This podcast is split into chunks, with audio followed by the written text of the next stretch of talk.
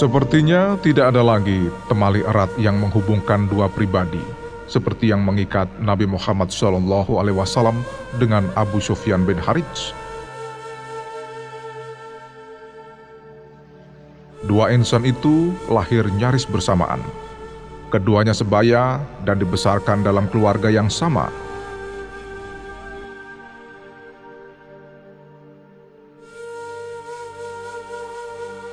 Abu Sufyan adalah sepupu Rasulullah Shallallahu Alaihi Wasallam. Ayahnya Harits adalah saudara Abdullah, ayah Nabi Muhammad.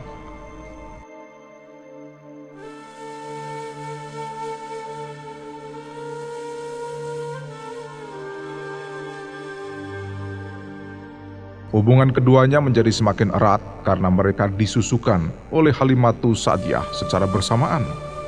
Mereka pun menjadi dua sahabat bermain yang saling mengasihi satu dengan yang lain.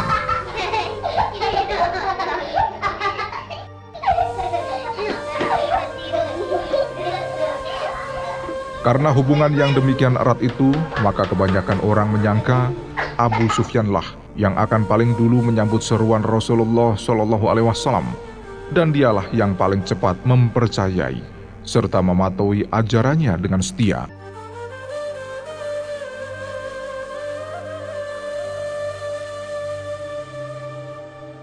Namun kenyataannya tidak seperti itu.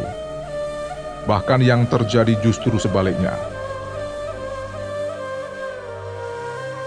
Ketika Rasulullah mulai menyampaikan dakwah di kalangan para kerabatnya secara sembunyi-sembunyi, api kebencian segera menyala di hati Abu Sufyan. Kepercayaan dan kesetiaannya berubah menjadi permusuhan.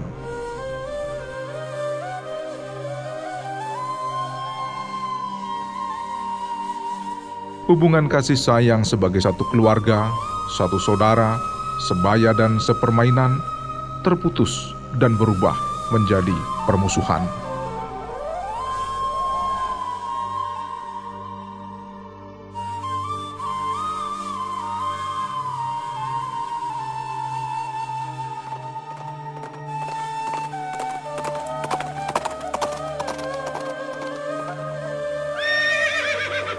Abu Sufyan adalah penunggang kuda yang terkenal dan penyair yang berimajinasi tinggi. Dengan dua keistimewaannya itu, ia justru tampil memusuhi dan memerangi Rasulullah Shallallahu Alaihi Wasallam yang saat itu mulai berdakwah secara terang-terangan.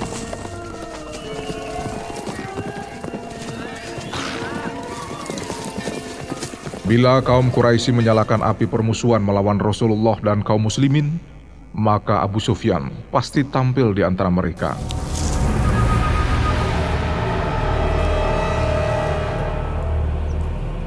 Lidahnya yang selalu mengeluarkan syair terus menyindir Rasulullah dengan kata-kata kotor dan menyakitkan hati. Keadaan itu terus berlangsung selama 20 tahun.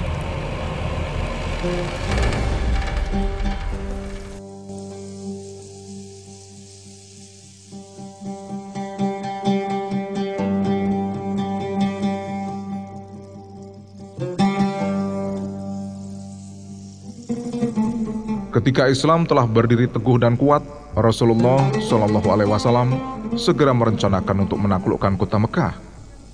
Mendengar berita itu, Abu Sufyan segera memanggil keluarganya. Bersiaplah kalian untuk mengungsi. Sebentar lagi tentara Muhammad akan tiba, dan mereka pasti akan membunuhku.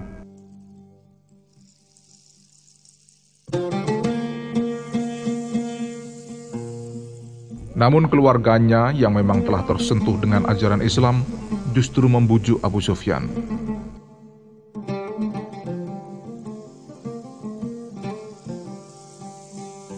Apakah belum tiba saatnya bagi kamu untuk menyaksikan orang Arab dan non-Arab tunduk kepada Muhammad, sedangkan kamu senantiasa memusuhinya? Seharusnya kamulah yang pertama kali dalam memperkuat barisan Muhammad serta membantu segala keperluannya. Begitu kata mereka.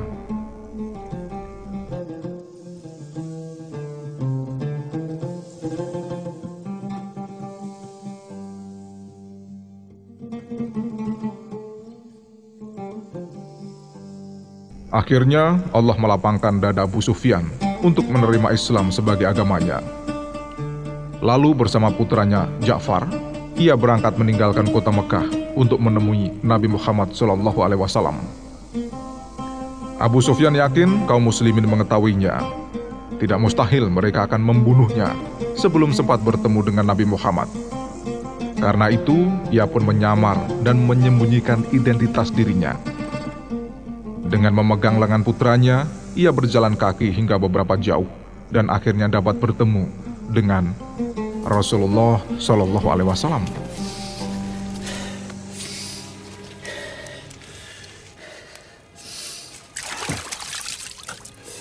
Di hadapan Rasulullah, Abu Sufyan membuka penyamarannya dan menjatuhkan diri di hadapan beliau.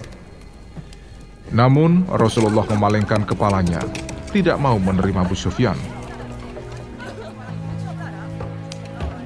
Abu Sufyan mendatanginya dari arah lain, tapi Rasulullah tetap menghindar. Dan hal itu terjadi selama beberapa kali.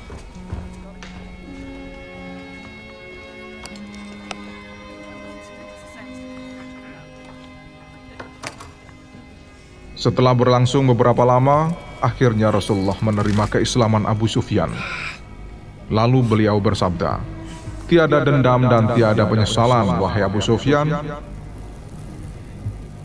Abu Sufyan berkata, Wahai Muhammad, ajarkanlah kepada saudara sepupumu ini cara berwudu dan sholat.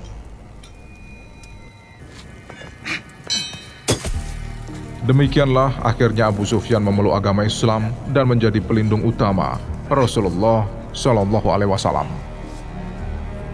Dalam peperangan-peperangan yang terjadi setelah Fatu Mekah, Abu Sufyan selalu ikut bersama Rasulullah Shallallahu Alaihi Wasallam.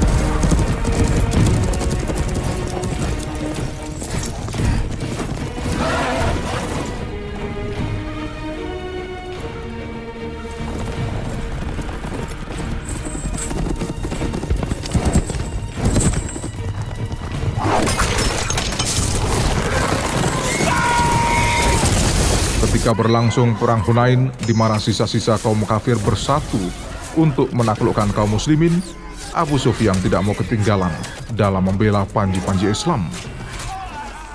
Pada awal peperangan itu, kaum muslimin mengalami kekalahan. Sebagian dari tentara kaum muslimin melarikan diri.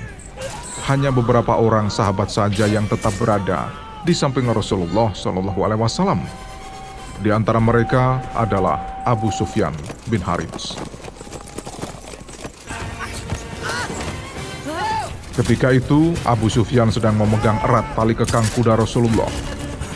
Ketika dilihatnya apa yang terjadi, yakinlah ia bahwa kesempatan yang selama ini dinantikan telah tiba. Ia ingin berjuang di jalan Allah dan sahid di hadapan Rasulullah. Maka sambil tak lepas memegang tali kekang kuda Rasulullah dengan tangan kiri, tangan kanannya yang memegang pedang berkelebat menebus batang leher musuh-musuhnya. Sementara itu, kaum muslimin telah kembali berkumpul di sekitar Nabi dan siap menyerang musuh. Berkat kegigihan kaum muslimin dalam berjuang di jalan Allah, akhirnya Allah mengkaruniakan mereka kemenangan yang gemilang.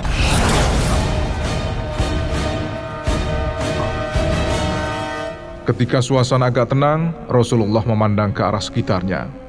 Didapatinya seorang mukmin tengah memegang erat tali kekang kudanya. Rupanya sejak pertempuran berkecamuk, orang itu tetap berada di tempat tersebut dan tidak pernah meninggalkannya. Ia tetap berdiri melindungi Rasulullah.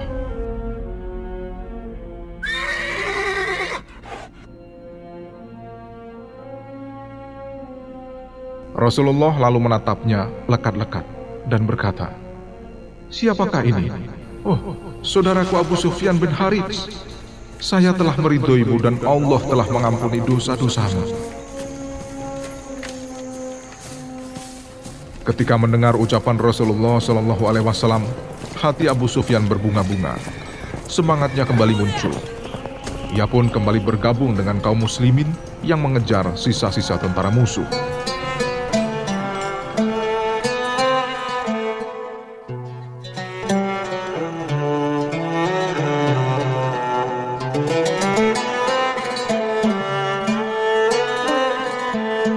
Sejak perang Hunain itu, Abu Sufyan benar-benar merasakan nikmat Allah dan keriduannya.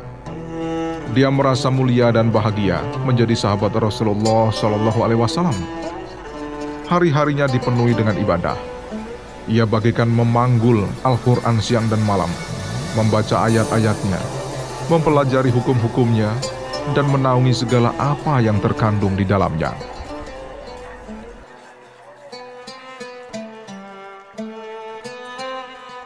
Dia berpaling dari kemewahan dunia dan menghadap Allah dengan seluruh jiwa raganya, sehingga pada suatu ketika Rasulullah melihatnya berada dalam masjid. Beliau lalu bertanya kepada Aisyah, "Wahai Aisyah, tahukah kamu siapakah orang itu?" "Tidak, ya Rasulullah." "Dia anak pamanku, Abu Sufyan bin Harits." Perhatikanlah Aisyah, dialah yang paling pertama masuk masjid dan paling terakhir keluar. Pandangannya tidak pernah beranjak dan tetap menunduk ke tempat sujud. Dialah ketua pemuda di surga.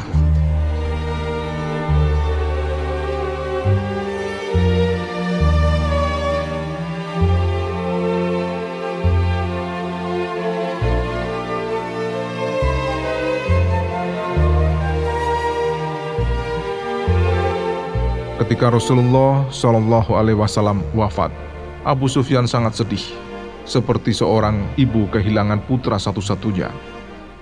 Dia terus-menerus menangis, sehingga jiwa penyairnya kembali memantulkan rangkuman sajak yang memilukan dan menyayat hati setiap pembaca dan pendengarnya.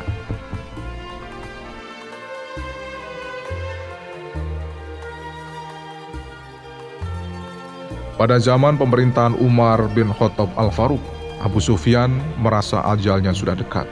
Lalu digalinya kuburan untuk dirinya sendiri. Dan tidak lebih dari tiga hari setelah itu, kematian pun datang menjemputnya, seolah memang telah berjanji sebelumnya.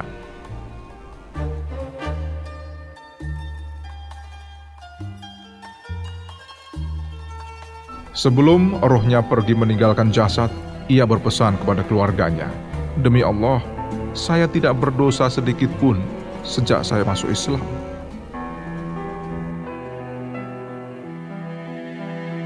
Khalifah Umar bin Khattab saat itu turut menyalatkan jenazahnya. Beliau menangis karena kehilangan Abu Sufyan bin Harits, salah satu sahabatnya yang mulia.